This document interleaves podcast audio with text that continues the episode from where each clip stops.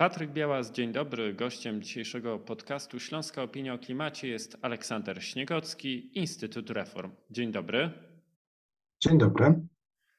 Dlaczego obecne plany narażają Polskę na bycie ostatnią gospodarką Unii Europejskiej opartą na paliwach kopalnych? E, przede wszystkim nie mamy jasno określonych planów, jeżeli chodzi o odchodzenie od paliw kopalnych w perspektywie 2040 roku. Tutaj, jeśli spojrzymy nawet na obecne deklaracje rządu, jeżeli chodzi o e, możliwy udział OZE do 30 roku, to nadal jest to e, mówienie o tym udziale na zasadzie możemy osiągnąć do jakiegoś poziomu, do 50%, tak na przykład. E, nie ma jasnej deklaracji, że rząd zapewnia ramy do tego, żeby faktycznie e, te inwestycje się pojawiły o czasie, wtedy, kiedy będą najbardziej potrzebne oraz właśnie też w perspektywie 40 e, roku nie mamy w ogóle żadnej refleksji e, co do tego, jak szybko będziemy dalej musieli zmieniać energetykę. E, w Polsce cały czas jakoś myślimy o neutralności klimatycznej tylko w perspektywie tego roku. Natomiast to jest perspektywa dla całej gospodarki. E, jeżeli mamy mieć gospodarkę, która jest neutralna klimatycznie do 50 roku, e, to sektor elektroenergetyczny powinien być już w okolicach tego net zero w perspektywie 40 roku, e, dlatego że też będą musiały się zdekarbonizować inne sektory, w tym takie trudniejsze jak rolnictwo czy przemysł ciężki. E, I tutaj e, z tego powodu właśnie elektroenergetyka tak naprawdę e, ma zmieniać się szybciej niż średnia dla całej gospodarki. Tak też wychodzi z analiz i Komisji Europejskiej, i naszego, mm, naszych ośrodków rządowego COBIZE, że neutralność klimatyczna dla gospodarki oznacza w zasadzie net zero dla energetyki, a przynajmniej co najmniej 90% redukcji emisji e, dla energetyki do 40 roku. E, I to widać też w planach, które mają poszczególne państwa członkowskie, e, jeśli chodzi o osiągnięcie właśnie udziału czystej energii. Jak się sumuje udział OZE i energetyki jądrowej, no to w zasadzie jesteśmy e, ze wszystkich państw e, europejskich e, na samym końcu, jeżeli chodzi o udział tej zeroemisyjnej energii. No i jeżeli chodzi o wzrosty, to tutaj też mamy do czynienia z sytuacją, w której już szereg państw chce osiągnąć w pełni zeroemisyjną energetykę do już nawet 30 roku, tak jak Portugalia, Holandia, Dania czy Austria, e, ale też e, średnio Unia Europejska już w tym momencie e, planuje przekroczenie 80% udziału czystej energii. Tutaj przede wszystkim ten wzrost będzie pochodził ze wzrostu OZE. W polskich warunkach, jeżeli mówimy o perspektywie do 30 roku, e, to w zasadzie jedyną opcją jest właśnie wzrost e, udziału OZE, przede wszystkim e, energii z wiatra, z wiatra i słońca. Natomiast no tutaj na razie nie mamy jeszcze rozstrzygnięć nawet co do tego, że na pewno chcemy osiągnąć 50% do 30 roku, a później jak patrzymy na, na to, co rząd sugeruje, będzie się działo po 30 roku, no to w zasadzie mamy wielką niewiadomą.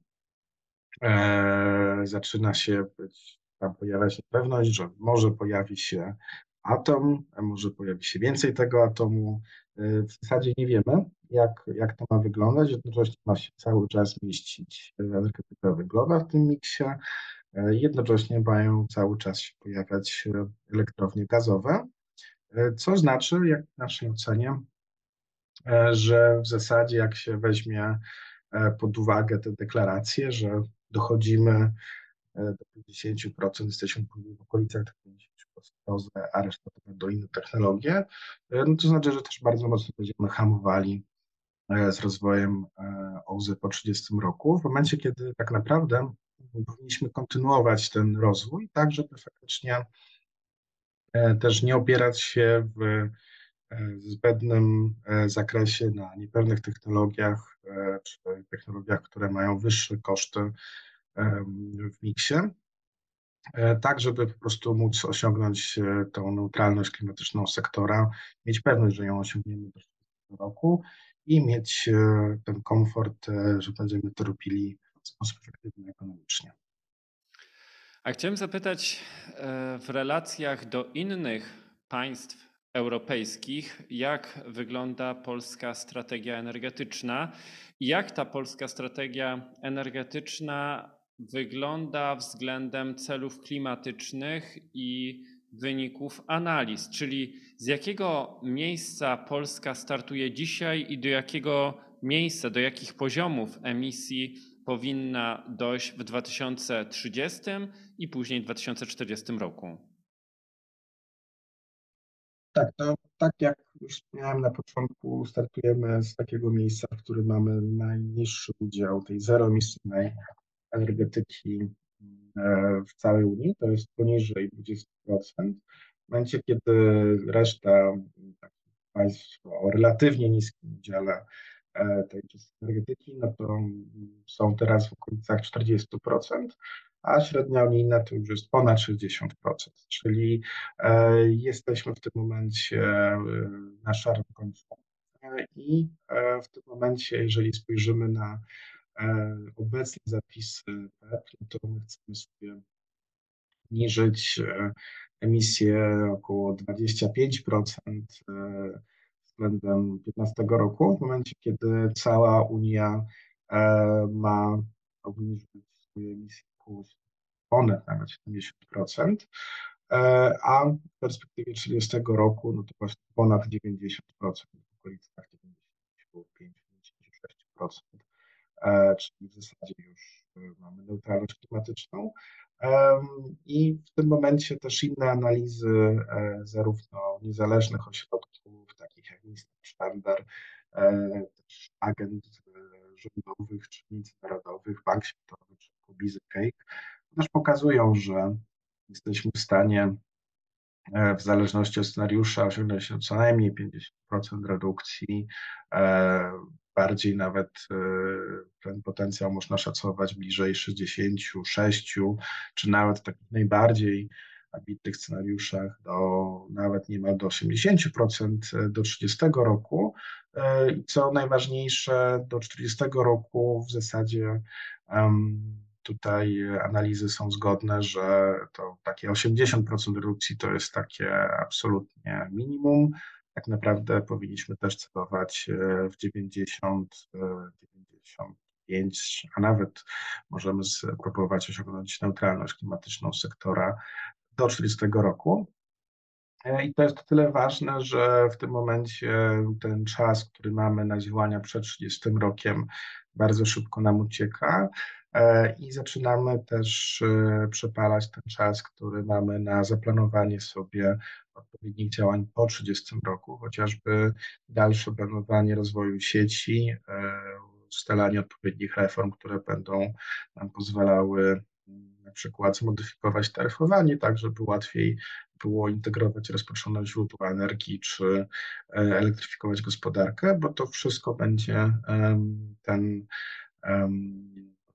element szerszego procesu zmiany całego systemu energetyczno-paliwowego.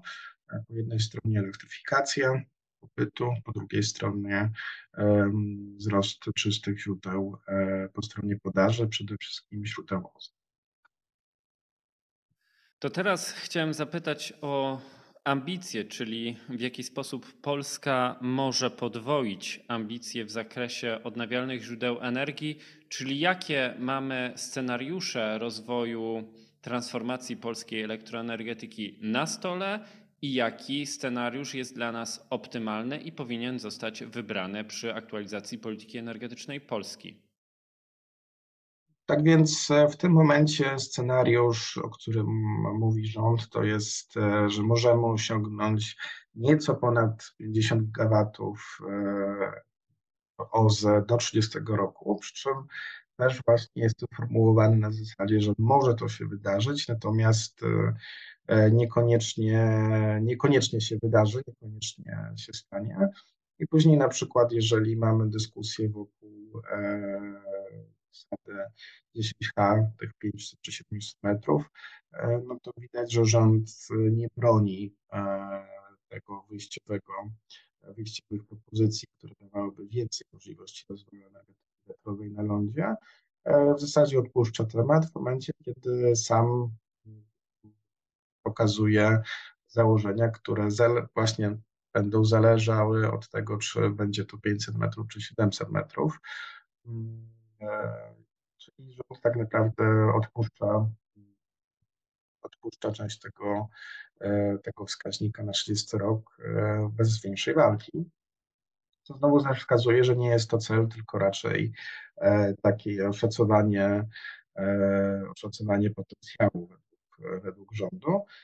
Rząd też w dostępnych publicznie materiałach raczej pokazuje, że będziemy raczej w okolicach około 35 gigawatów w perspektywie 30 roku jako takie moce w miarę pewne. Więc jesteśmy gdzieś w, tym, w, tej, w tej przestrzeni między 35 a 50 gigawatów w perspektywie 30 roku. No i później po 40 roku w zasadzie rząd Tutaj już mówimy o kolejnych nowych zapowiedziach, nie mówimy o, e, o starym PEP-ie.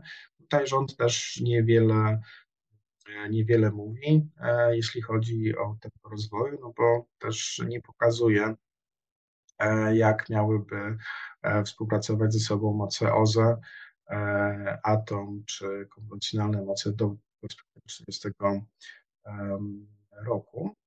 I tutaj według naszych ocen to jest, to przekłada się na około 50 do 60 gigawatów Polsce, których spodziewa się rząd w tym momencie. W momencie tak naprawdę my jesteśmy w stanie dowieść jako Polska te 100 gigawatów na 2040 rok, utrzymując tak naprawdę tempo historyczne przyrostu mocy, czyli nie wykraczając poza to, co już kiedyś e, udało nam się osiągnąć, jeżeli chodzi o przyrost OZE. E, natomiast e, ważne będzie właśnie konsekwentna realizacja tych inwestycji zgodnie z naszym potencjałem, zarówno w krótkim okresie. I tutaj ważne jest wykorzystanie tych projektów, które już mamy, zniesienie barier administracyjnych dla nich i sprawne E, dostosowanie sieci, jak i też e, perspektywa 30-40 to jest z kolei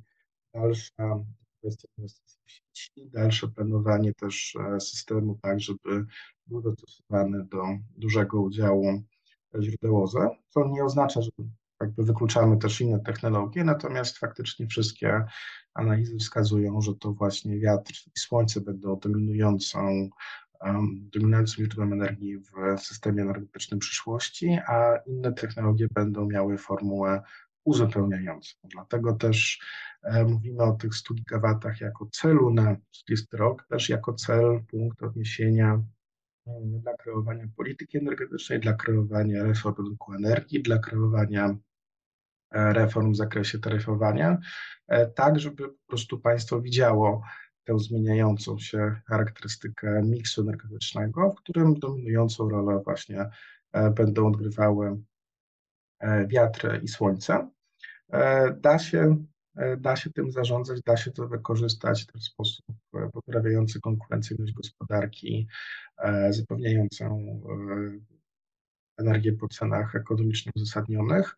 E, natomiast e, no nie może to się odbywać w ten sposób, taki jak dotychczas, czyli e, czekamy, jakby zostajemy przy obecnych modelach rynkowych, zostajemy przy obecnych modelach rozwoju sieci i czekamy, aż zaczną narastać problemy, takie jak na przykład teraz z przełączeniami albo też wcześniej z kwestią rozliczeń prosumentów, rozliczeń prosumentów. To nie jest dobry model rozwoju dla energetyki e, odnawialnej w momencie, kiedy e, nic nie robimy, tak idziemy w ramach modeli e, i później musimy nagle hamować rozwój i dopiero wtedy zabierać się za niezbędne reformy. No i chciałem zapytać teraz, dlaczego potrzebujemy jako kraj, Polska, planu działania w zakresie wdrażania odnawialnych źródeł energii i w jaki sposób odnawialne źródła energii mogą sprawić, że debata o węglu i gazie stanie się nieaktualna? No właśnie tutaj warto jest podkreślić dwa wymiary systemu energetycznego czy miksu energetycznego. Jeden to jest wolumen energii, drugi to są te moce dyspozycyjne. I my na razie cały czas jesteśmy na tym etapie i jeszcze e, przez kilkanaście lat będziemy, e, w momencie, kiedy wiatr, słońce przede wszystkim dostarczają ten wolumen energii, są one wtedy stabilizowane, e, czy przynajmniej cały czas utrzymywane w systemie moce dyspozycyjne, które mogło bilansować system e, w momencie, kiedy e, nie, nie wieje i nie świeci. I tutaj cały czas nadal jest w pełni ekonomicznie uzasadnione inwestowanie dalej w słońce i wiatr, no bo one pozwalają nam po prostu uniknąć spalania drogiego węgla, drogiego gazu, emitowania drugiego CO2. E, przechodzimy do systemu, w którym właśnie e, mamy e, dużo wiatru i słońca, mamy moce dyspozycyjne, które jednak stoją w znacznej mierze w rezerwie, że nie są wykorzystywane i ten taki system zużywa już bardzo mało paliwa. I ostatnim elementem dekarbonizacji, takiego zeroemisyjnego systemu, to jest albo przejście już na długoterminowe magazynowanie energii, na przykład przez e, wodór, jako takie uzupełniające technologię, która bilansuje, e, bilansuje cały system właśnie w tych okresach e, niedoboru słońca i wiatru, albo też są też inne technologie stabilne, też trudniejsze i kosztowniejsze, takie jak CCS, czy też właśnie dalszy rozwój energetyki jądrowej. Tutaj nie jest to rozmowa o szczegółach miksu energetycznego w 2050 roku, natomiast niezależnie od tego, co tam będzie domykało system, e, zawsze z analizacji wychodzi, że ten udział właśnie wiatru i słońca jako dostawców tej e, taniej, e, taniego, dużego wolumenu energii elektrycznej, którą można albo wykorzystać, albo zmagazynować, ograniczenia zużycia paliw, E, zawsze ta rola się powtarza, niezależnie od tego, jakie inne technologie są w systemie. Teraz, jeżeli to e, tak na to spojrzymy, no to dyskusja o tym, czy e, rezerwy, w jakim stopniu rezerwy powinny być w węglu, jakie powinny być w gazie, nagle robi się znacznie mniej istotna. No bo kosztowo to już niewiele zmienia, też emisyjnie to zmienia znacznie mniej niż sytuacja, w której nie mamy OZE, opóźniamy rozbudowę OZE e, i mamy do czynienia z sytuacją, że albo utrzymujemy stare elektrownie węglowe, które pracują przez dużą część czasu, muszą spalać dużo węgla i muszą e, też płacić za emisję CO2. Ewentualnie musimy je wymienić na e, źródła gazowe, które też muszą produkować wtedy dużo energii, spalając drogi gaz, nie zawsze z pewnych miejsc e, i też emitujące e, CO2. Więc tutaj w momencie, kiedy nie inwestujemy w OZE, e, zmieniamy sobie w ogóle charakter problemu z mocami konwencjonalnymi. Zamiast tego, żeby właśnie myśleć o tym,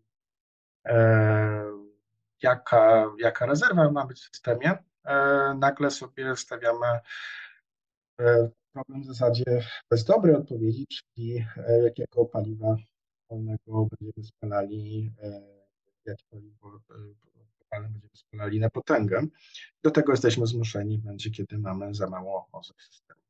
E, teraz dlatego właśnie nasz postulat to jest właśnie stawienie tego celu szybkiego, trwałego rozwoju OZE jako centrum nowej polityki energetycznej Polski, bo jeżeli to się wydarzy, to reszta problemów, czyli zarządzanie że e, musimy zmodernizować bloki węglowe jeszcze, że zostały sobie w rezerwie przez kilka lat że jednak musimy dostawić kilka bloków szczytowych gazowych, one zrobią się znacznie mniej e, kosztownymi decyzjami dla naszej gospodarki, bo po prostu te bloki nie, nie spalają już dużo e, paliw kopalnych i nie generują też dużo CO2.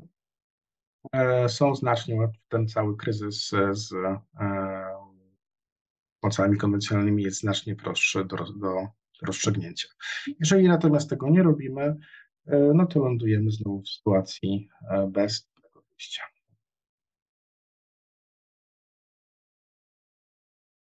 I na zakończenie chciałbym zapytać, jaka jest Wasza odpowiedź autorów raportu PEP 2040 postęp czy rozczarowanie? Jak Wy, jako autorzy tego raportu, odpowiadacie na to tytułowe pytanie?